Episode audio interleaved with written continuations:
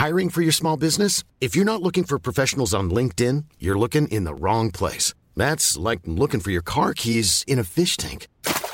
LinkedIn helps you hire professionals you can't find anywhere else, even those who aren't actively searching for a new job but might be open to the perfect role. In a given month, over 70% of LinkedIn users don't even visit other leading job sites. So start looking in the right place. With LinkedIn, you can hire professionals like a professional. Post your free job on linkedin.com slash people today. Hold up. What was that? Boring. No flavor. That was as bad as those leftovers you ate all week. Kiki Palmer here, and it's time to say hello to something fresh and guilt-free. Hello Fresh. Jazz up dinner with pecan-crusted chicken or garlic butter shrimp scampi. Now that's music to my mouth. Hello Fresh. Let's get this dinner party started. Discover all the delicious possibilities at hellofresh.com.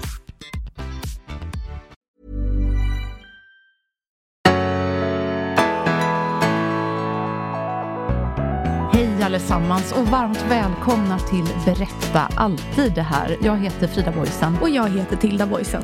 Och i den här podden då pratar vi om psykisk ohälsa och vägen till hälsa. Idag har vi en fantastisk gäst, eh, författare, bästsäljarförfattare verkligen med stor erfarenhet av hur det är när livet verkligen går upp och ner. Och nu är han bokaktuell med en sprillans nya bok. Den är så het så att den verkligen glöder. Ja. Släpps idag när vi spelar in. Bli dig själv igen, hur du trappar ner och blir fri från antidepressiva mediciner. Jag säger varmt välkommen till Mats Billmark. Tack så mycket. Och vi vill också säga varmt välkommen till Susanne Billmark som ju är underbar fru i det här sammanhanget. Och anhörig får vi ju säga.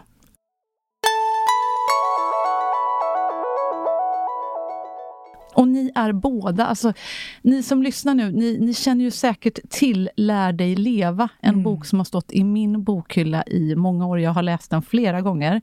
Fantastisk, sålt ja. i över 200 000 exemplar i hur många länder, Mats? Alltså den, i Sverige är den sålt lite drygt 200 000. Mm. Och sen är den släppt i 26 länder runt om i världen. Ja, det är mm. så coolt. Ja, det var så häftigt att ja. eh, ni genom er resa. Ja, Vill du berätta lite, Mats, ja. lite kort om det, om det är någon som har missat den boken? Ja, men det var ju en, vi gick ju igenom en utbrändhet, mm. både Susanne och jag.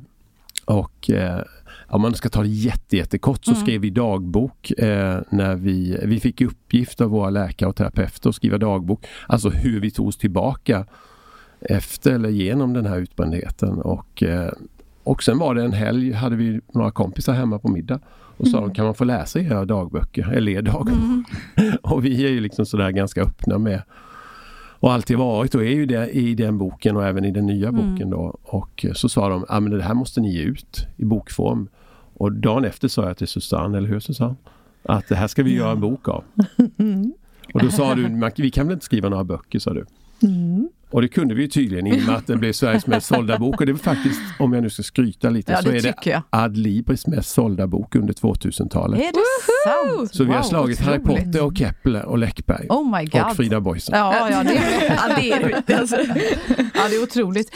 Men äh, ja, grattis verkligen till de Tack. framgångarna och för att ni äh, var ju verkligen föregångare. Äh, vi brinner ju också till, då, jag, för det här med att mm. vara det ni ju var så tidigt öppna om att gå igenom psykisk ohälsa, att bli utbränd och mm. att vara totalt transparenta. Och det, man märker vilket behov det finns. Så tack ja. vill vi mm. först säga. Mm, ja, men det är viktigt alltså. Ja, det är det. Man är rädd kanske i vissa situationer att öppna upp sig. Mm. Men alltså det, det är bara positivt. Mm. Och där måste jag flika in och säga faktiskt, jag tycker det är så bra att Mats gör det. Mm. Eftersom ofta män har svårt för att öppna upp just i det här ämnet. Var, mm. Varför tror du att det är så svårt Mats? För jag ja, det är spännande ja. alltså. Ja, men jag, tror, jag kommer ihåg, jag gick ut med en föreläsning eh, precis strax innan Lär dig leva-boken släpptes då.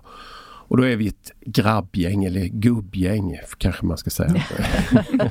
som käkar lunch ihop. Mm. Vi är 8-10 stycken. Och då började jag berätta om innehållet då för då gick jag ut med min ångest och, och mina, ja, den psykiska ohälsan som jag mm. har levt med i många år. Och då säger de så här, det där kan du aldrig gå ut med. Tänk på att vi bor i lilla Kalmar liksom. Mm. Du kan inte berätta sånt. Mm. Alltså alla männen runt bordet sa stopp nu liksom. Du kommer, du, folk kommer titta snett på dig och sådär. och eh, då hade jag den föreläsningen, började med i, på Stadshotellet i Kalmar. Och det var tanken att det skulle bli en föreläsning. Det blev mm. sex föreläsningar eh, under 14 dagar fullsatta. Och för varje föreläsning som, som gick så fylldes det på med mer och mer män mm. hela tiden. Eh, och jag har aldrig fått ett enda, bara massa cred. Mm. Eh, både från kvinnor och män. Men jag har aldrig hört någonting efter jag, blev, eh, liksom, efter jag vågade visa mig så mm. sårbar och öppen med mina problem. Gud, Fantastiskt. Ja. Och det är viktigt. Det är ju det. Jag, jag, jag gissar att vi, vi är rädda för, för um, vad vet jag, skammen kanske. Att, ja. att, att, inte vara perfekta. Mm. Men vem är perfekt? Vem lever ett liv genom total hälsa. Alltså, det är inte en del av livet att, att det både ja, går ni, upp och ner. Jag tänker ni kvinnor och tjejer mm, då som mm. du Tilda. Alltså ni är mer vana med att, att man kan ringa en tjejkompis och säga Fan nu mår jag så här eller mm. nu känner jag så här. Alltså det sitter hårt åt för en 20-25-årig grabb alltså att ringa upp sin, sin, sin kompis. Mm. Mm. Uh, och där behöver man verkligen visa vägen att det är inte farligt. Nej, det är ofta första steget som är ja. tuffast liksom. Och man kommer ju också närmare varandra. Det har ju säkert ja. du upplevt med, med dina kompisar. Ja, de är så söta. Nej men alltså man, man närmar sig varandra ja. när man vågar öppna upp. Mm, så är det. Mm. 1,2 miljoner människor i Sverige äter antidepressiva mediciner. Ja. Det är otroligt många. Det är ju mer än var tionde, eller nej vad är det? Ja, alltså man brukar säga att vad, nu vet jag inte, men vad det gäller kvinnor då, i och med att ja. det är dubbelt så många kvinnor som män som äter mm. antidepressiva. Det kan man också diskutera varför, varför det är så. Vi pratade med receptionisten ja. om innan ni kom. Ja. Eh, men, eh, nej, men man brukar säga att var femte vuxen kvinna över 20 år i Sverige äter antidepressiv medicin. Då får man lite mer grepp på det. Det är helt sjukt. Och ändå så tyst om det. Alltså, mm. Det får jag väl även säga. Jag menar, jag känner många kvinnor och män, höll jag på att säga, mm. men inte eh, vet jag vilka var femte kvinna jag känner som äter ja, de, antidepp. Du, det, mm. det, kan ju vara en mängd av dina väninnor ja, som inte går ut med det. Och det, det är det ju förmodligen ja. uppenbart. Och vad är det, var tredje kvinna, det här är statistiken ännu värre, mm. var tredje kvinna över 70 år. Oj! Mm. Oh, my god. Ja, det här vill vi mm. verkligen borra ner oss i och det har ju du gjort Mats. Eh, så jag tänker om vi backar bandet lite grann till, till när du är ja, du är 22 år ungefär va? Eller är det, är det då som det, det börjar berätta själv? Ja, ja. Nej, men alltså, ja lite äldre ja. ja. Eh, det var ju så att eh, när vi eh, eh när vi fick barn, Susanne och jag, vi, Susanne och jag träffades i runt 30-årsåldern var det då. Mm. Eh, och sen fick vi barn ganska snabbt. Mm. Vår dotter föddes ja, ett och ett halvt år efter vi hade träffats. Mm.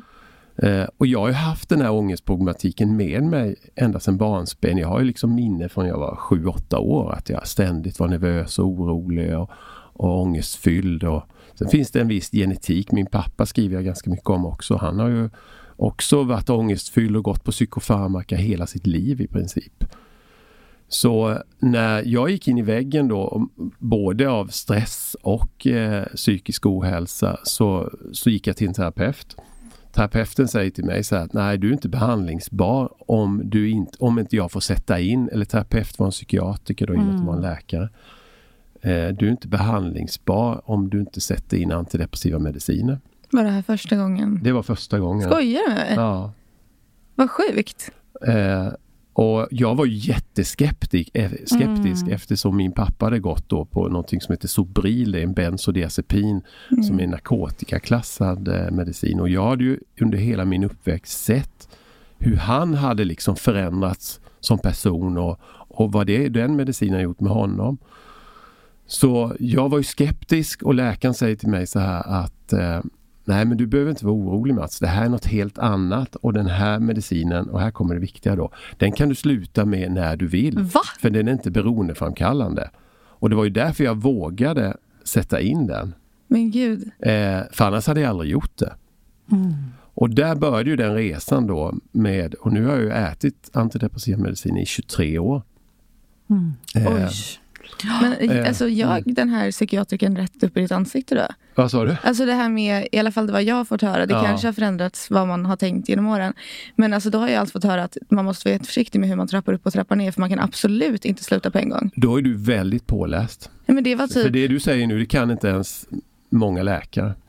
Men alltså jag fattar inte, för det, alltså det, jag vet inte om det har ändrats för det är liksom, dels tycker jag att det är intressant, så jag läst själv, men det är också Ja. när vi väl har haft, alltså prat om medicin, för jag testade antidepressiva väldigt kort.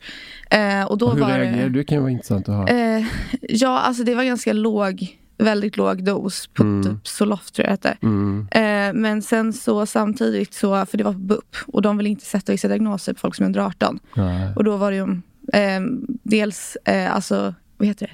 I- IPS, eh, så här, emotionell instabil personligt syndrom eller borderline som det kallas och bipolär. Ja. Och om man är bipolär då får man absolut inte äta inte antidepressiva. Eh, och det reagerade jag inget bra på. Så då slutade jag väldigt snabbt för det var så låg dos. Ja. Men sen har jag haft kompisar som har alltså, ätit under lång tid. Mm. Och det har ju varit ett rent helvete så här, för man får testa olika och så måste man gå upp och ner Ja. och man mår liksom helt Och, sen, och fruktansvärt. sen byter man preparat. Och, Ja, och då får man göra allt det här igen. Det är liksom en jävla... och hjärnan blir ju liksom Alltså man tillsätter ju någonting i hjärnan Mm. så, och som hjärnan reagerar på.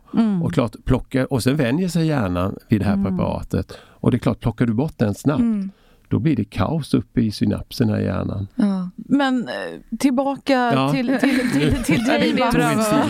Det- du, man, man, man, man vill veta mer. Men vad, vad händer då? Det är ju jättemärkligt som du säger att den här läkaren, alltså du kom ju dit för att du har ångest. Ja, Och, och då tänker man ju, och det är väl inte också riktlinjen i Sverige egentligen att vi först ska erbjuda terapi? Att en människa först lyssnar på en människa som, annan människa som har ångest? absolut. Men, men, Men, men det- så ser ju inte verkligheten Nej, ut men och det så gör var det inte för för dig det heller. kräver stora resurser, det kostar Mm, det är pengar. dyrt. Det är jättemycket långa köer till att få gå i terapi.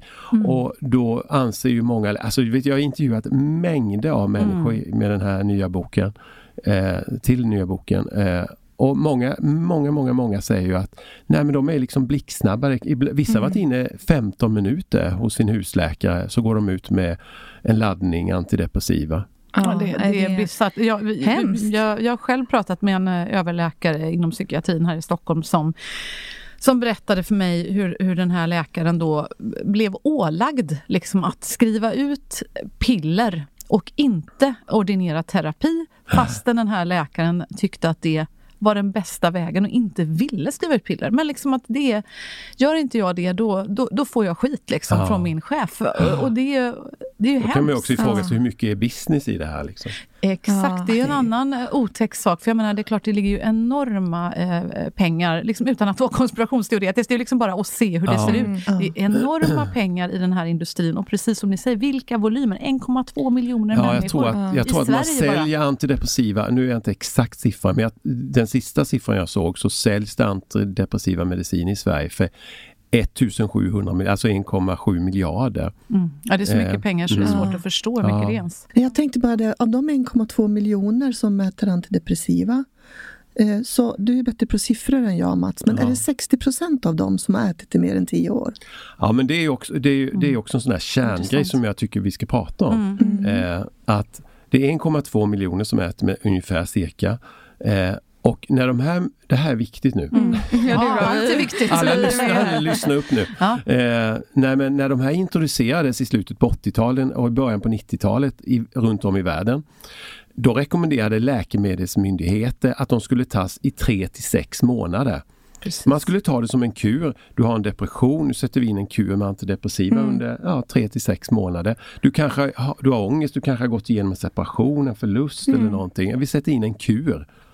Eh, idag har ju då lite drygt 700 000 i Sverige ätit medicinen i mer än 10 år. Mm. Alltså, Utan att en läkare ifrågasätter, vill du fortsätta äta Ja, de här? det- Ska vi hjälpa ja. dig med det eller inte? Mm. Ja, det, Ja, det- är, det- det, jag är- Det är menar galet. Eh, och det är ju där problematik och jag kan lova utav de här 700 000 som har ätit dem i 10 år, där jag är en utav de 700 000. De har, jag kan lova att många, många, eller de flesta av dem har försökt sätta ut dem ett antal gånger. Men man har då misslyckats. För man har gjort det för snabbt och på ett felaktigt sätt. Och sen går man till läkaren och säger att ah, nu mår jag jättedåligt igen. För man mår jättedåligt om man gör det här för Ja, ja, snabbt och verkligen. på ett felaktigt sätt. Och vad säger läkaren då? Ja men då måste vi höja din dos. Mm. Ungefär som du sa tidigare. Ja, det är... Eller att nu sätter vi in en ännu starkare antidepressiva. För man blandar då ihop eh, utsättningssymptomen och sen skyller man på att titta nu är din ångest tillbaka igen. Ja. Titta du får nog, du får nog liksom förstå att det här måste du käka livet ut. För den som aldrig har ätit antidepp, jag Ja. exempelvis. Ja. Eh, hur, kan du beskriva lite grann, hur var det för dig då i den här eh, första stunden när du fick Ja, det här ja, men det är utskrivet? jätteintressant. Uh, men alltså, jag, fick ju, jag var ju väldigt speedad och ångestfylld, det är inget snack om det. Mm. Och jag landade ju och blev mi, lite mindre ångestfylld. Jag Kände du en- det direkt? Ja, men nej, men alltså det, ofta så är det ju så att det tar ju tre fyra veckor innan, bör, innan hjärnan reagerar på medicinen och den kan vara ganska tuffa de veckorna innan den sätts in då. Mm. Men när den väl var inne, eh, när den väl sattes in så, så blev jag ju lite mindre ångestfylld. Jag blev ju mer dämpad. Och, och vänta, hur upplevde du eh, Mats, eh, Susanne, du som stod Det bredvid? är va? ganska länge sedan. Ja, Mark, minns du? Nej, jag minns inte riktigt de här första gångerna Nej. när han satte in. Jag har ju mer starkare minnen av när han har satt ut dem. Just det, det är Men- klart. Vi hade ett ganska hektiskt liv då, så jag vet inte om jag var så medveten själv då. Mm. Nej men alltså jag kan ju berätta av liksom, biverkningar som jag upplevde då. Ja. Eh, det, det är ju så att alltså, man, blir ju, man blir ju känslomässigt bedövad. Man reagerar lika, inte lika starkt.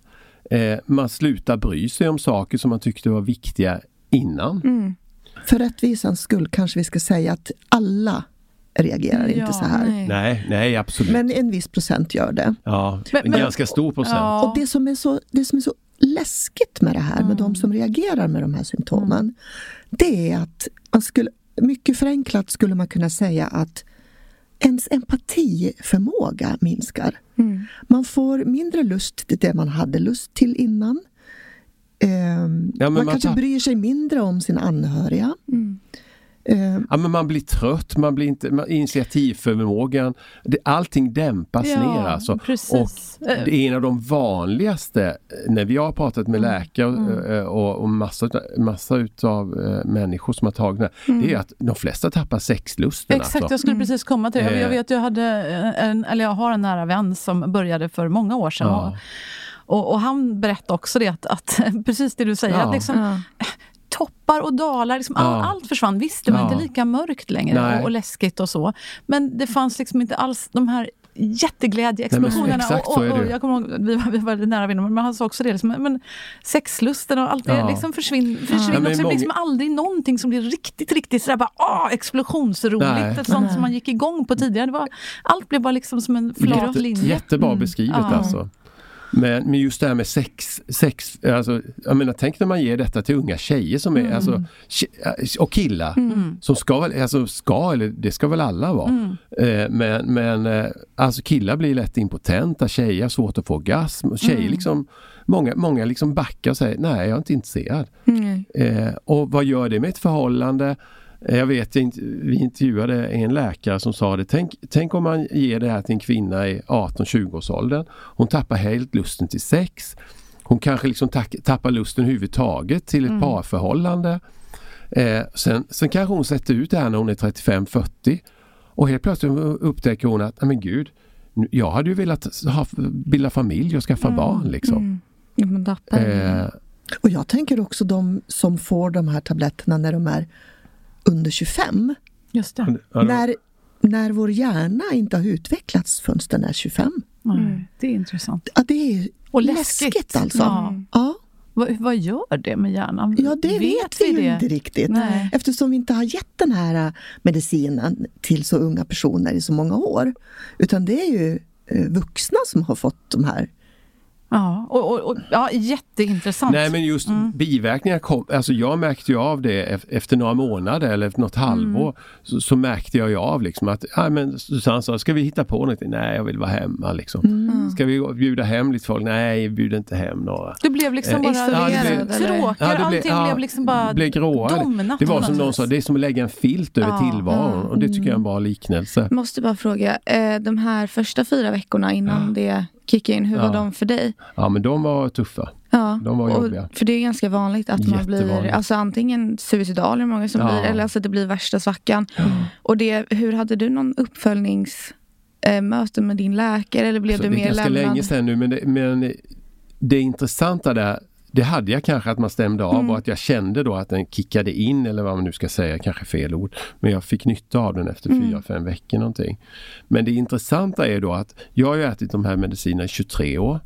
Eh, och ingen läkare Alltså det här är ju intressant. Det hade varit fem läkare inblandade under 23 år. Ingen har sagt så här, men Mats, ska vi, ska vi fundera på liksom att plocka ner det här lite eller eh, vill du, vill du fundera, eller försöka göra ett, göra ett försök att sätta ut de här medicinerna? Ingen har frågat det under 23 år. Utan du säger, har du tabletter så du klarar det nu. Jag, jag, ska, jag, Nu lägger jag in nya recept där så du klarar det tre månader till eller ett halvår till. Så har det sagts hela tiden.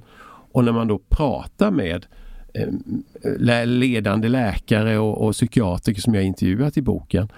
Då säger de ju det att en läkare vet ju det att om man börjar en sån process med utsättning så vet man, ja då är det täta återbesök och det har inte stressade läkare Nej. tid med i många fall. Det kostar pengar och de har inte tid med det. Och det är så mycket enklare att bara förlänga Rulla recept. på. Ja, men trycka, trycka på receptknappen. Ja. Och det säger väl allting om att man rekommenderade från början att man ska ta det här max, max sex månader. Och 700 000 svenskar har ätit i över 10 år. Ja, det är intressant. Jag tänker på, eh, liten parallell bara, men, men eh, vi har mycket erfarenhet av, också av ADHD-medicin i vår Ja. familj. Och där är ju också sådär, nu, nu var vi nyligen med din eh, lillebror Tilda, och då, då var det också så att, att det finns minsann en massa läkarbesök för att få in Ja. medicin. Mm. Men sen är det ju liksom sådär, Vart är hjälpen? Ja, men, sen, ja. Ja. det, dels vart är hjälpen, vart är terapin? Som var, och det, det, det är ju tyvärr så i svensk psykvård. Jag tror vi skulle, om vi skulle fråga våra lyssnare, och det tycker jag vi gör nu.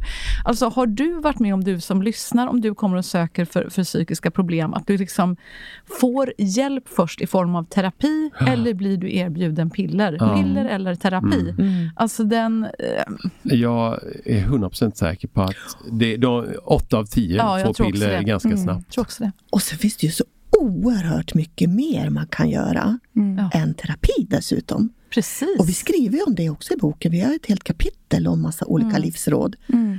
som är kanske inte så populära. Eh, därför att det kräver ju lite Och, och vill du tisa lite här nu? Ja, nu, blir man vi ska liksom såklart verkligen. slänga oss in i boken, men om du bara vill liksom ge en liten aptitretare. men till exempel ändra sin kost. Ja, Mm. Nej, men precis. Alltså, Eller mm. börja meditera. Mm. Alltså, jag tror att, eh, men det kräver ju en stor insats för individen. Mm. Men det ger ju en enorm positiv effekt. Mm. Jag har ju den här gången, Verkligen. jag har ju, ner- jag har ju ätit, alltså gjort tre försök tidigare att sätta ut den. Be- Berätta om det, Ja, det första. första. Vi måste Ja, komma till ja. det. Vad händer? Vad händer? Du, du är i den här blöta Mm. filten. Och hur länge är det tills Ja, första? ja men det, det går nog ett par år någonting. Mm. Och, vad, vad, vad känner du då? Känner du att du blir trött på filten? Jag vill hela tiden eh, bli av med de här medicinerna för jag känner att jag, jag, liksom, jag är inte mig själv längre. Nej. Jag, är inte, jag känner inte igen mig själv. Nu blir jag nästan ledsen när jag bara säger det. Mm. Alltså jag känner det här är inte, det här är inte Mats liksom. Eh, eh, så att, och jag tror, alltså jag har intervjuat så många och alla säger så här, alla har egentligen en dröm om att sänka sin dos och Mm. många vill även ta bort den. Mm. Men de fixar det inte. Men, men, men förlåt, söker du hjälp då? Eller Ja vad men gör då i alla fall, då, då gör jag en första utsättningsförsök och då gör jag det för snabbt. Mm. Jag gör det på, jag tror, jag vet inte om jag frågar läkaren och då och de säger ja men du kan halvera den på 14 dagar och sen kan du plocka Ah. bort den på eh, sex veckor typ. Mm. Vilket man vet nu i efterhand att det är helt galet att plocka bort en medicin så snabbt. Mm. Eh, och när, när jag då jag gjorde det så, så, så fick jag ju liksom tillbaka massa ångest. Jag blev ju rastlös, svårt att Mm. sova, koncentrationssvårigheter. Det var ju, för att hjärnan reagerar ju. Eh, den, den, då hjärnan undrar ju vad, vad är liksom den här substansen som du har vant, här- vant, Mm. vant mig med? Eller, vad, vad, och den, den funkar ju inte. Eller hur Nej. Susanne? Tänker du på? Nej, det är ju så att när man sätter in den här antidepressiva medicinen så reagerar ju hjärnan med att anpassa sig Mm. efter. För det är ett tillskott man tillför till hjärnan. Mm. Om man då börjar sätta ut den här och speciellt om man har ätit den under en lång period, alltså når ett år, två år, fem år, sex år, sju år, Mm. då måste hjärnan anpassa sig. Och det tar väldigt, väldigt lång tid. För hjärnan vet vi ju att den har inte förändrats på tusentals år. Mm. Och om den ska kunna förändra sig igen här, alltså man kan jämföra det med att hjärnan inte har förändrats på tusentals år. Om den då har fått en substans tillsatt, då tar det lång tid för den att vänja sig av med den här. Mm. Det är därför man måste göra det så oerhört långsamt. Ja, man kan prata om att i vissa sammanhang pratar man om att det sker en ombyggnad. Mm. Och det tar väldigt lång tid. Och jag vet Mm. inte riktigt jag träffade en kvinna som hade ätit antidepressiv medicin och då så började jag prata om Mats bok, det var när vi höll på att skriva den här. Mm. Och då säger hon, ja men jag trappade också ut min medicin väldigt långsamt, säger hon. Mm. Jaha, sa jag, hur lång tid tog det? Nej men det tog tre veckor. Oj.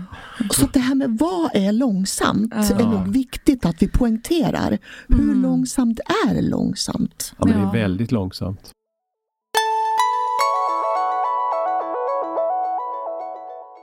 Nej men om vi är, vi är nu att du försöker då sluta med medicinerna Ja. för första gången Ja. och du märker att du ramlar ner i ångesten direkt. Absolut. Hur illa är det? Ja men jätteilla. Vad, vad Jätteilla. händer? Ja, men jag, får, jag får panik, jag, jag, liksom, jag, jag blir otroligt ångestfylld. Mm. Rastlös, kan inte sitta still, jag kan inte, jag so, kan inte sova på natten. Jag märker ju att, att du är lite så här okontaktbar. Mm.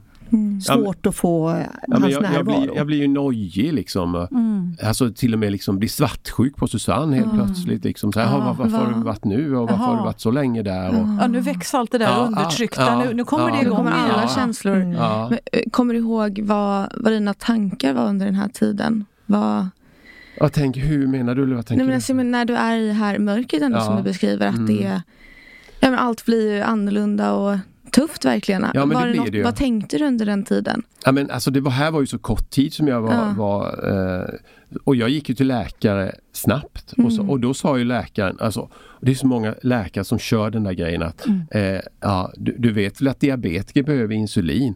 Du som Mm. är så känslig och du som har, är ångestfylld, du måste ju förstå att du ska äta den här medicinen. Och Mm. den läkaren jag träffade då, det minns jag så jätteväl. Han sa så här, eh, varför äter du den där? Då tror jag åt något som heter Cetralin, Mm. som man ofta sätter in som Mm. första medicin.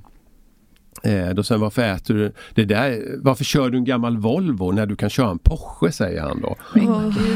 Och då hade han en ännu starkare medicin, Ah. medicin som heter Venlafaxin då, som är jätte, jätte, ja, jättesvår att sätta ut och, och väldigt stark. Så då satte jag in den eh, eh, ganska snabbt Hur det. kändes det? För du har ju ändå kommit till en punkt där du kände Ja, att men- jag vill inte ta Ja, antidepressiva det, alltså, det är längre. en jättesorg Ja. varje gång och jag har ju varit med om den här resan gång på gång på gång. Mm. Eh, sen eh, om man tar nästa gång jag sätter Ja. ut, då, då är Susanne och jag i Indien. Eh, vi träffar en ayurvedisk läkare Ja. eh, som säger så här, ah, vi har ju eh, en ayurvedisk medicin som är mycket bättre utan biverkningar. Så då lastar jag hela väskan full och sätter in Mm. den och börjar trappa ner. Men då gör jag det återigen för snabbt. Så Mm. man, alltså, Ah, ja. Vi har ingen Mm. koll på det. För att Nej. Det är vad man har fått lära sig att det här gör man på 6, 7, 8 veckor. Man Liksom. tar ju ofta en läkares ord på allvar Ja. också. Eh, och, eh, men, men då var det så intressant för att vad man också ska veta att det kan bli en fördröjning också. Vissa mediciner, antidepressiva mediciner kan vara så att du kan må ganska bra i två, tre månader och helt plötsligt sen smäller det till. Finns det inte en viss gräns där vid tre fyra månader? Då kan symptomen komma. Ja, och det låter ju inte klokt för jag tänker, har den väl gått ut så har den, men det har den ju inte. Och det här kallas någonting som jag inte kommer ihåg nu, som en av läkarna där, André Marx, som vi intervjuar i boken, eh, berättar om att det är inget konstigt, men det heter någonting med att just att det är en fördröjning på tre, fyra månader. Och då när jag satte ut den eh, när vi kom hem från Indien, alltså då vet jag, du vet jag var ju så känslosam så att det var helt. Jag bara kände, det var liksom som någon hade väckt mig. Liksom. Jag har varit i någon dvala liksom. Eller, och jag kände också så här, liksom, men, men eh, har jag gått med smutsiga glasögon? Alltså, allting var spikklart, allting var tydligt. Jag var otroligt känslosam. Alltså jag minns, vi bodde ju på norra Öland då. Eh, du vet jag kunde stå så här på morgonen, så kom jag ut, var jag stod i köket i köksfönstret så när Susanne kom ut så stod jag och grät. Så. Ja, men varför gråter du säger Susanne. Ja men titta så vackra fåglar säger Ja, åh, du, jag förstår precis vad du menar med nya glasögon. Ja. Det blir så krispigt. Men Titta vad vackra de är, sa jag. Alltså, allting var liksom helt plötsligt upp till, och maten började smaka bättre och allting. Eh, men sen så kom ju den backlashen då oh. efter fyra månader och då var jag så jäkla sjuk alltså. Men, ja. Alltså då var det värre än någonsin. Vad hände då? då? Nej men alltså Alltså jag, jag, jag var ju på eh, psykakuten, åkte från norra Öland till psykakuten i Kalmar eh, tre gånger på tio dagar. Oj. Vad hade hänt innan Nej, men alltså, du åkte alltså, in? Det var totalt kaos. Hjärnan, det fanns inget. Jag trodde hjärnan gick sönder i princip. För att jag hade sån jävla... panikångest. Mm. Eh, det är normalt så kanske bara 10 minuter eller två minuter ja. eller en halvtimme. Det hade jag 24 timmar per dygn. Liksom. Oh, Fullskalig panikångest. Men gud, det var Ja, Hjärnan slår ju ah. bakut. Ja men då hade jag ju satt ut alldeles för snabbt mm. eh, igen. Och, eh, och det var ju också sådär, för jag, jag fattade inte vad som hände för jag hade ju haft tre, fyra bra månader liksom. Mm. Och jag trodde alltså, fasen jag fixade det den här ah. gången. Jag är fri från det här nu.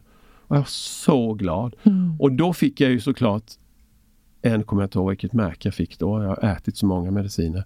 Men då satte man in ytterligare en ny såklart. Mm. Och då vet jag, det skriver jag om i boken med. Mm. Eh, då tog jag cykeln eh, i byxorkrok eh, och cyklade ner till fina Sjöboda när vi bodde precis nere vid vattnet. Mm. Jag vet inte om ni har varit på norra Öland men det är mm, galet ja, vackert. Ja, ja Borgholm, det var inte riktigt... Ja, men då får du köra äh, sex mil till. Jo, men jag har varit där uppe. Ja, men inte allra högst upp. Byxelkrok men, heter det där vi bodde. Mm, där bodde vi i fem år. Eh, men då tog jag cykeln i alla fall. Eh, och jag hade med mig tabletterna i fickan och liksom jag, jag, satt, jag satt, på, satt mig på en sten vid vattnet mm. och tänkte nu ska jag in i den här skiten igen. Jag har inget val alltså. Mm. Nu börjar Susanne gråta. Mm. Berätta, vad händer när ja. du tänker på det här Susanne? Jag blir så ledsen av att berätta det här. Att det ska få gå till på det här viset. Alltså. Mm. Att inte läkarna är mer upplysta utan eh, förväxlar de här symptomen, utsättningssymptomen med sjukdomen. Mm. Det gör mig både ledsen och arg alltså. Mm. Hur var, det, hur var det för dig att se Mats falla ner i det här mörkret och få åka till psykakuten? Ja, ja, jag körde ju alltid. Ja. Eh, det är ju det är fruktansvärt. Eftersom vi inte hade några bra upplevelser när vi kom dit heller. Mm. Utan jag fick ju ta honom i hand och säga nu går vi härifrån. Mm. Så att det, var, det var fruktansvärt. För mig, för mig har det bara varit att eh, ta en dag i sänder. Mm. Och som tur var som egna företagare så har inte jag behövt haft ett jobb att gå till. Nej. Utan jag har kunnat vara hemma med Mats hela tiden. Du har jobbat hemifrån? Eller och jobbat, jobbat hemifrån, hemifrån, eller mm. ja, vad vi nu har gjort. Mm. Så att, så att för, det har ju varit stunder när jag inte vågat lämna honom. Vad var du rädd hade för skulle, då också. Vad var du rädd för skulle hända om du... Ja, men jag, jag var rädd att han alltså, skulle jag, försöka skulle ta, ta livet av sig. Alltså. Ja. Jag, var, jag var suicidal. Ja. Och hade jag vetat, eller vi vetat det vi vet idag så hade jag varit riktigt, riktigt förbannad kan jag säga. Mm. Eh, på det sätt man, man får råd att, att göra det här. Men du kommer in alltså och har tankar om att inte orka leva ja, längre? Men alltså, så är det, och jag tror jättemånga lyssnare som ja. har försökt sätta mm, mm. ut sin medicin och gjort det på ett felaktigt, för snabbt sätt känner igen sig. Ja. För jag, alltså jag, jag har så många historier och jag kommer väl få ännu mer mejl mm. och, och, historier nu. Där människor, alltså man blir så dålig alltså. Mm. Hjärnan slår bakut, alltså det blir kaos. Och vad får du för hjälp från psykakuten? Det här är ju helt fruktansvärt. det här är en i, akut kris. De säger som vanligt att du måste förstå att du, kan, du måste äta den här medicinen. Du klarar det inte utan den. Mm. Du måste inse det. När, när typ så här, om du har gjort tre försök, ska du inte snart inse att du ska äta den här livet ut? Du ska gå mm. liksom det här ja, känslomässigt bedövad livet ut. Och vad som händer då, det är ju att för, för ett par år sedan, ett och ett halvt, två år sedan så började jag liksom, jag gav mig fan på att det här ska gå liksom. Mm. För det finns ju också exempel mm. i, det finns ju flera historier i boken där man har lyckats och man har gjort det på rätt sätt. Så jag började liksom läsa internationell forskning. Mm. Jag intervjuade eh, två ledande, två av dem, Åsa Nilsson, jag vet inte om ni känner igen henne. Mm, intervjuade henne i, i, flera timmar och hon är ju väldigt liksom motstånd till eh, antidepressiva. Eh, och hon, hon, om, nu får du rätta hon har stor erfarenhet Ja, hon är erfaren mm. men hon bestämde sig för 20 år sedan eller sånt där, eh, hennes sista 10 år innan hon gick i pension. Mm. Att hon vägrade skriva ut helt enkelt. När det kom någon som ville ha antidepressiv så ja, då, då får du söka dig till en kollega. Ja, måste bara fråga. När du väl kommer till psyket, Ja. det är ju läskigt kan jag tänka mig också på ett sätt. Väldigt läskigt. Att det, jag har ju blivit tvångsinlagd en gång, vilket är lite Ah. annorlunda på ett sätt för då har man ju liksom inget att säga till om. Nej, nej men då Men, eh, tar de styret Ja, över, exakt. över Då är man lite som en fånge. Men Ja. jag tänker, även om man inte är det, Mm. att komma till psyk, speciellt första gången, måste ju vara jätteskrämmande. Jätte. Speciellt när du redan beskriver som det är, att det är så illa att du har panik hela tiden. Ja. Att du, hur var det att komma dit och sen igen få den här responsen, men du fattar väl att du måste vara på den här Ja. medicinen. Hur, hur kändes det när du redan är i det här mörkret? Vad tänkte du då, när du hörde de här orden? Ja men alltså det var väl också så att då var inte jag så upplyst, det här är ganska många år sedan, då var Mm. ju inte jag så upplyst och jag började också inse, alltså jag köpte ju deras teori Ja. att det här får jag äta Mm. livet ut. Eh, och det var ju en enorm sorg såklart. För jag vet vilka biverkningar det medförde. Mm. Vilka jag, jag levde med. Det är en jättesorg alltså. Mm. Under många år tror jag att du bara försökte hitta en acceptans. Ja men så var det ju. För att så här är det. Och det tror jag också att många av de här som har käkat det här i tio år, eh, som har tagit de här medicinerna, de, de har ju mer och mer liksom börjat Resignerat, Ja, det, liksom. ja, ja, bra ord. Jättebra ord. Man liksom ger ja. upp och liksom, Ja. eh, ja. Det här Ja. är vad livet En, kommer en, en sorglig acceptans Ja. på något Ja. vis. Ja. Vi träffade en kvinna bara för några veckor sedan som, eh, som, som när jag sa att jag höll på, när jag har skrivit en ny bok som kommer. Ja det har jag ätit hur länge som helst. hon. Ja. Hon sa, och en, eh, en kreativ kvinna, en skapande kvinna. Mm. Eh, som sa att det har jag ätit och jag har inga biverkningar direkt. Så här. Men ja, Susanne, vad ska man säga? Hon kände ju som att hon Ja. hade liksom För det första så såg hon ja. tio år äldre ut än vad hon faktiskt var. Ja, men framförallt Och hennes var hon- kreativitet. Liksom. Ja, och hon hade liksom gett upp sitt skapande Åh kändes det nej, som. vad hemskt. Och jag då som skapar dagligen ja. eh, kände en väldig sorg i det när jag såg henne. Hon var fysiskt också ganska när, eh, nedgången. Mm. Eh, men det kändes, kändes som att hon hade gett upp Ja. på något vis. Ja, resignerat som du sa Frida. Ja. Bra ord alltså.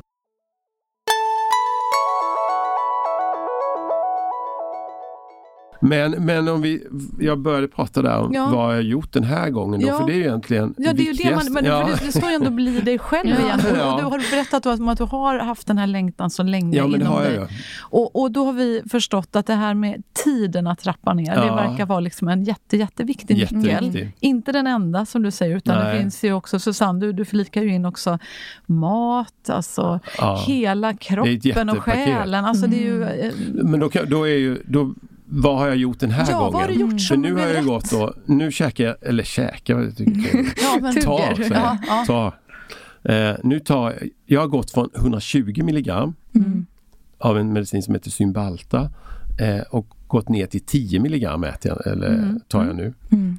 Eh, och jag har ju i princip inga biverkningar alls. Vad Fint. Och jag har liksom Nej, jag, jag i, princip ingenting. Här. Men då har jag då gjort Berätta det. vad du gör då. Ja, precis. Hur lyckades du? Ja, men jag gör det ju jag började, det var just det jag var inne på innan vi hittade sidospåren. Ja. Eh, lätt Ja, sidospår. det är inte lätt. Nej. Men eh, då, jag började ju titta på internationell forskning. Mm. Jag intervjuade Åsa Nilssonne. Jag intervjuade en läkare som heter André Mark som har jobbat på Sveriges enda nedtrappningsmottagning. Intressant. Mm.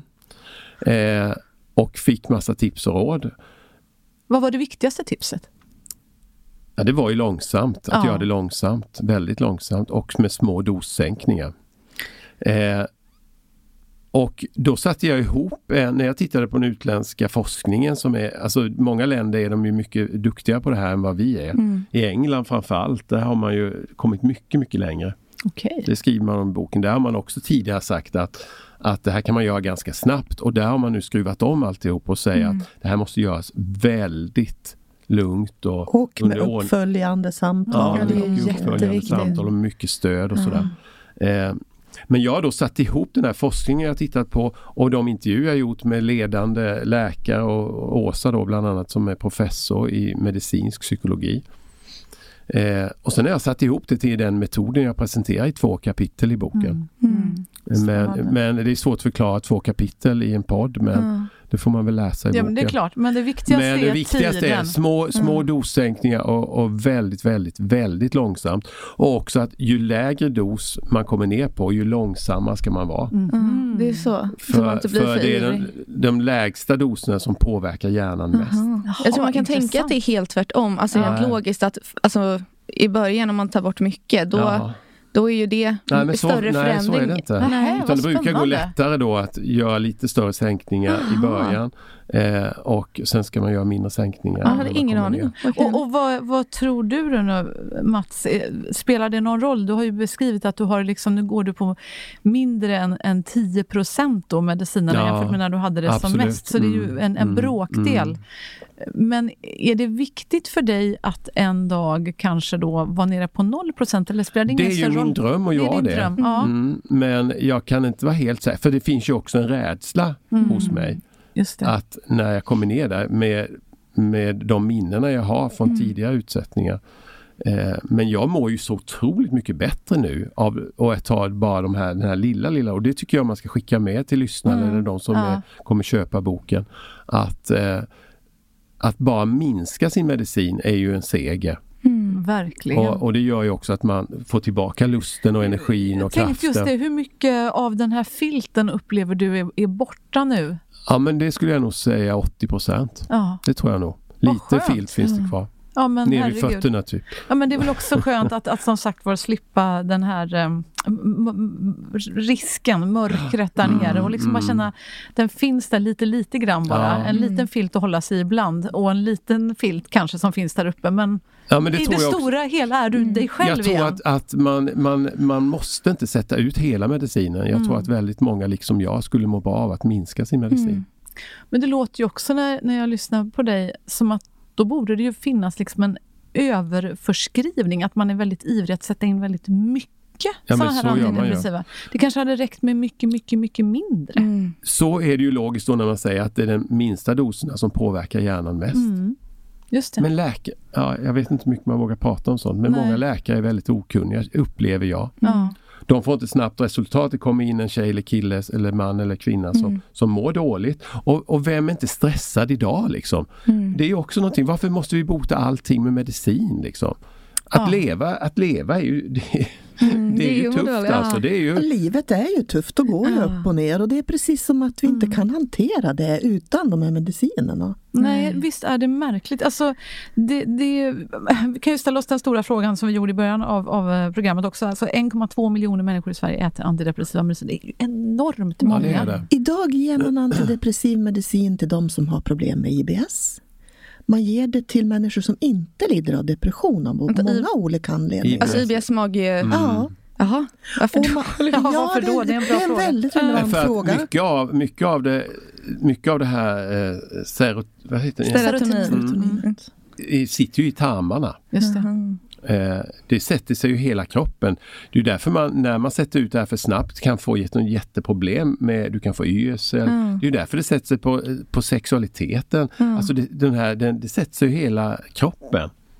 Det är ju också... ehm, Men, men man ger det ju också mot klimakteriebesvär. just det, ju- det var det jag skulle säga. Och ju- äldre människor, det var det jag skulle Ja. säga. Där finns det ju ingen, Åsa Nilssonne säger i den intervjun vi gör med henne att det finns ju ingen e- evidens för att eh, det är speciellt att det hjälper äldre människor. Däremot, hon säger något intressant också i den intervjun jag gjorde med henne, eller vi gjorde med henne, att tänker man, man ger detta till en 70, 75, 80-åring Eh, och sen kanske man släcker ner glädjen att, att hon ska umgås med sina barnbarn. Hon kanske blir lite halvt likgiltig och lite eh, liksom in, inte Inte tar så- initiativ, in, bryr sig inte så mycket om sina barnbarn. Att man släcker ner det hos äldre människor. Och det kan vara det enda man som äldre har Precis, kvar. släcker ner den livskraft som eh, finns där egentligen. Jag tänker också på det här som du, vad var det vi såg det eller var med om det?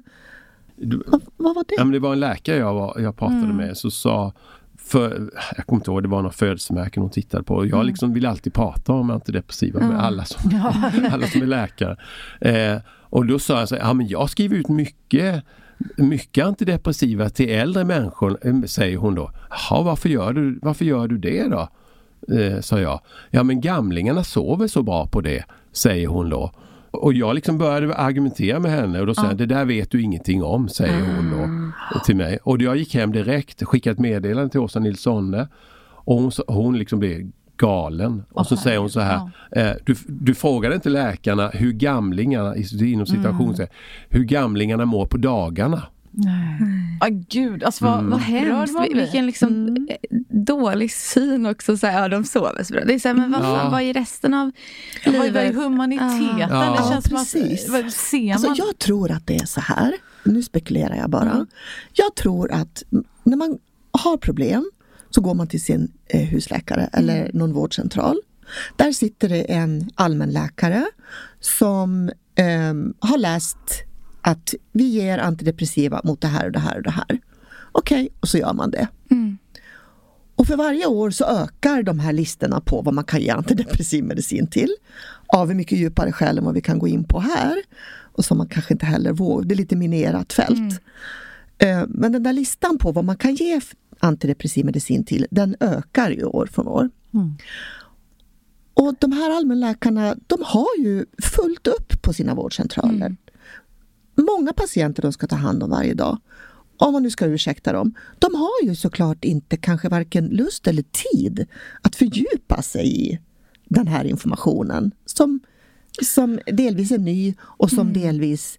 Lust, tid eller budget tänker jag också. Nej. Om man ska vara rent krass. Alltså, om man tittar på de här två vågskålarna. I den ena vågskålen har vi terapi. Om, om vi då har en människa som kommer till oss här nu som mår skit. Det är mörkt, ångest, kris, katastrof. Och då finns det ett alternativ som är eh, eh, terapi och då innebär ju det att det är ju inte ett terapisamtal som kommer Nej. hjälpa och förändra livet på den här människan förmodligen, utan det är ofta en, flera. Att en, tio gånger åtminstone Ja. kanske, så att man hinner liksom absolut. komma någon vart. Grotta, vad är problemet och hur, när uppstår det här för dig? Vad, vad tror du det beror på? Vad kan vi göra? Hur kan du hantera det här? Det tar ju tid. Tid och tid är pengar. Alternativt, ja räcker ett möte eller två. Ja, visst. Jag tror vi testar antidepp här. Ja, Och så har vi mm. ett uppföljningsmöte. Hur känns nu? Bättre, vad bra. Ja. Du, då är det bara att fortsätta och Ja. vi kan bara förnya det här. Det är bara att du slår en signal eller du kan bara skicka ett mejl så Jag fixar vi det. s- sätter precis fingret på helt, jag tror exakt det som går till i och, så, många fall. och så ser den här kön av miljoner människor. Alltså Vi har ju då 1,2 miljoner som redan har fått antidepp. Plus att några faktiskt kanske själva kräver att jag vill prata om det här. Så jag vill ha terapi. Det kanske inte alltid är att det måste vara antingen det ena eller Nej. andra. Det kan ju vara en kombination. Men man tänker, Och sen- vad borde vi göra annorlunda? Vad är er dröm? Ja, men jag tänker så här också, om vi fortsätter på ditt resonemang där. Så är det ju också så här att de här med tabletterna, den här medicinen, antidepressiva medicinen, den förändrar ju inte din hjärna på ett kick. Mm. Det här går ju väldigt, väldigt långsamt.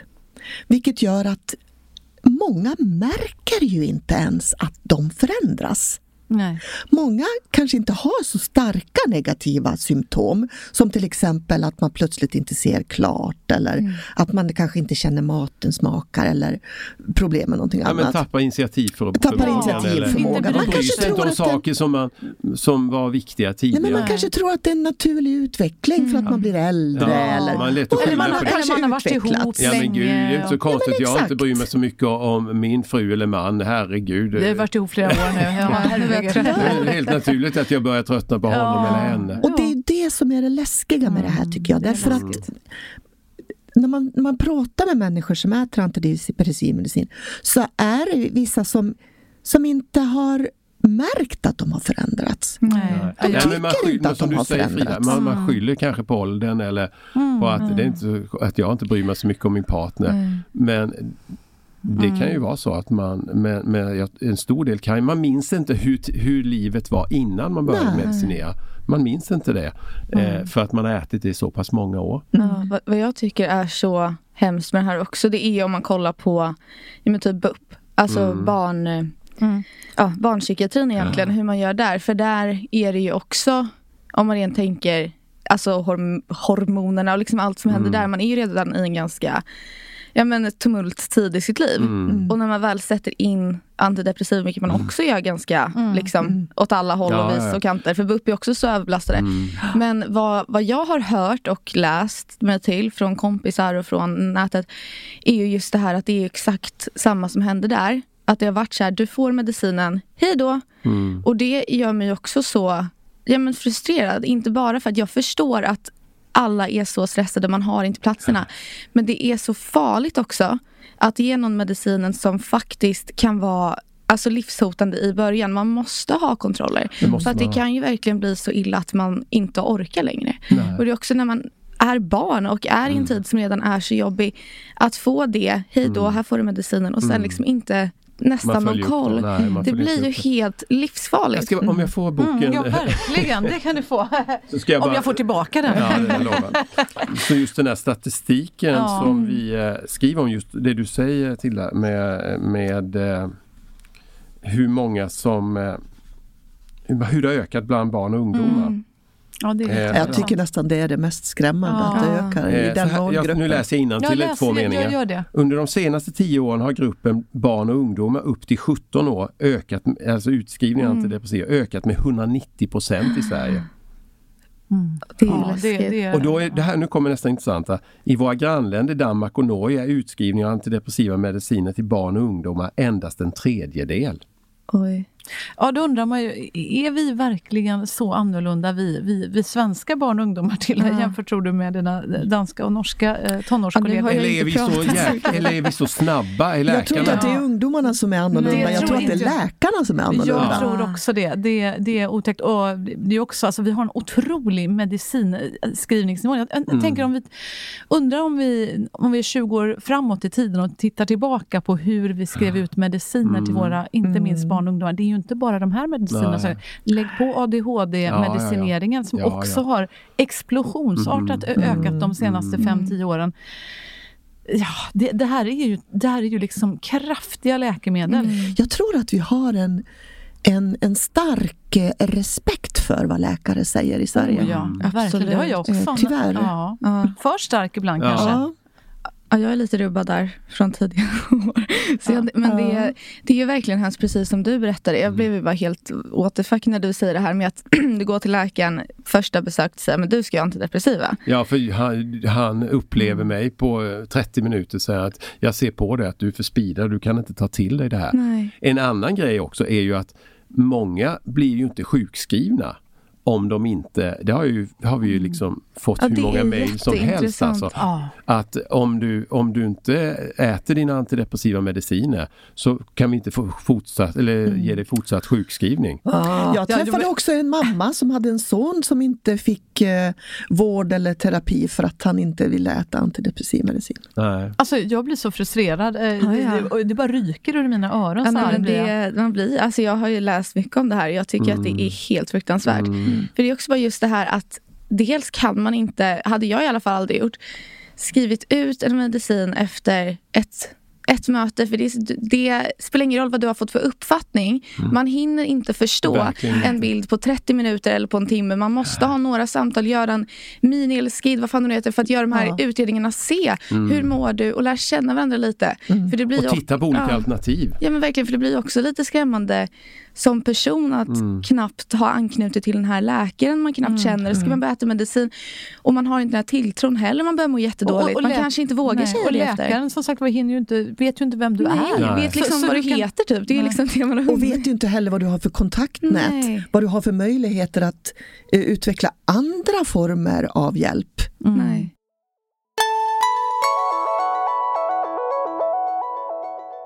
Vad har vi för råd till anhöriga då? Vad säger du eh, Susanne, om man, om man har en anhörig som börjar äta antidepressiva, hur kan man hjälpa och stötta? Kan man, kan man vara liksom, vad kan man vara observant på? Hur kan man... Ja men alltså som anhörig kan man ju faktiskt vara observant på den här personlighetsförändringen. Mm, För den är inte säkert att den som börjar äta medicinen själv märker. just det. Och det är över lång tid tycker jag man kan vara lite uppmärksam på det. Och Hela första året Ja, till framförallt att, exempel. att man Ja. kanske man, man, inte, man slutar bry sig. Mm. Man blir tröttare, man vill inte göra saker. Man, man blir liksom, ja. Och hur är det då, en annan kanske känslig fråga, men, men jag tänker om man nu är en person som mår skit eh, och söker hjälp. Eh, man är i en jätteutsatt situation och som ni säger, ofta så har man ju en, en stark tilltro till läkaren som sitter där, är ju ändå en expert som har Mm. läst i flera år, och kanske många års yrkesverksamhet. Man litar på att den här personen gör det bästa. Absolut. Och själv är man ju i en jätteutsatt situation, man mår Verkligen. jättedåligt. Man är, man är liten i den situationen. Ja. Kan man hjälpa till där, tänker jag, som anhörig? Och, hur kan man göra det mm. i så fall? Har ni några idéer? När Mats var som sämst, då var jag följa med honom på allting. Mm. Jag följde med honom till eh, psykiatriker, psykvården, eh, läkare, allt. Mm. För det är ju, det är väldigt... Ja, för jag var ju inne i en bubbla liksom. Ja. Alltså jag, jag, jag nästan uppfattade inte vad, uppfattade inte vad som sades. Nej. Mm. Du var med hela tiden. Hela tiden. Och, och, jag tror att det är viktigt att man har en sån person mm. och det måste mm. inte vara ens partner. Det kan vara ett syskon, en bästa kompis, en mm. granne eller en jobbarkompis, vad som helst. Men det är jätteviktigt, framförallt när man börjar trappa ner de här medicinerna så är det viktigt att man snackar. Liksom. Mm. Just det. Och att man har en annan person som mm. känner en som också mm. kan berätta utifrån. Ja. Med, med, respekt förstås. Men, liksom, mm. men någon man litar på. Ja, jättefint. Vilket fint råd. Har du ja. något mer avslutande råd Mats? Vi vill verkligen tacka er båda för att ni har bjudit så generöst på den här oh. jätteviktiga Nej, erfarenheten. Jag, jag tror ett viktigt råd är att om man nu, alltså, om man nu anser att man har jättemycket stöd och sådär. Alltså, jag tror ändå jag tror ändå att de flesta människor skulle må bra att minska sin dos en aning. Mm. Det tror jag. Och Jag tror att många har den önskan. Mm. Och man måste inte sätta ut hela medicinen men att bara få ner den gör att man vaknar till. Man kan man, öka sin man, livskvalitet ja, man, lite man, bara man ökar sin livskvalitet lite. bara genom att trappa ner sin medicin en bit. Mm. Ja. Det, det, är min erfarenhet. Ja. Sen finns det kanske de som säger tvärtom, men min erfarenhet är så. Och, och, och, har ni någon önskan till, till liksom de som är ansvariga högst upp i vårt samhälle ändå, när vi ändå ser de här erfarenheterna? Som att vara inte så snabba och sätta in det här. Titta mm. på alternativ. Och så skulle jag önska att läkare eh, läste på lite mer i ny forskning.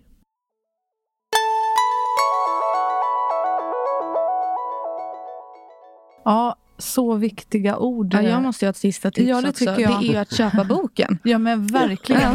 Bli dig själv igen. Hur du trappar ner och blir fri från antidepressiva mediciner. Mm hoppas, jag är helt övertygad om att den här eh, boken kommer att bli otroligt läst av många i, i Sverige. Hoppas att den kan också erbjuda en, en stor hjälp för många att våga ja. göra den resan som, som du gjort och gör, mm. eh. Och, och, så viktigt tror jag att vi vågar berätta ja, om det här. Det, mm. ja, det hoppas, hoppas vi verkligen.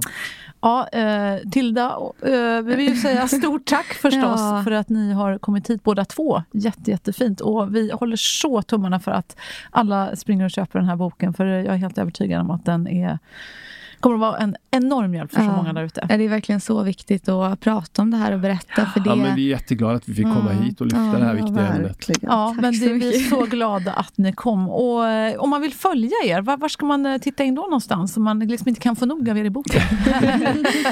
Nej, men vi har ju, eh, vi har ju en Facebook-sida som heter mm. Lär dig leva. Just det. Mm. Ja, den tycker och jag man kan titta in på. Vi har också en nystartad sida på Instagram som heter Antidepressiv medicin där vi kommer lägga lägga in löpande ah, tips bra. och råd. Bra tips! Mm, ja men underbart, då checkar ni in där också mm. allihopa. Mm. Och eh, så ses vi förstås på vårt Instagram också, berätta alltid det här och vårt TikTok-konto också. Det gör vi. Mats, Susanne, tusen tack för allt ni gör för folkhälsan i Sverige och världen får vi ju säga. Mm. och tack för att ni gästade Berätta alltid det här. Tack så tack. mycket. Och tack för att du har lyssnat.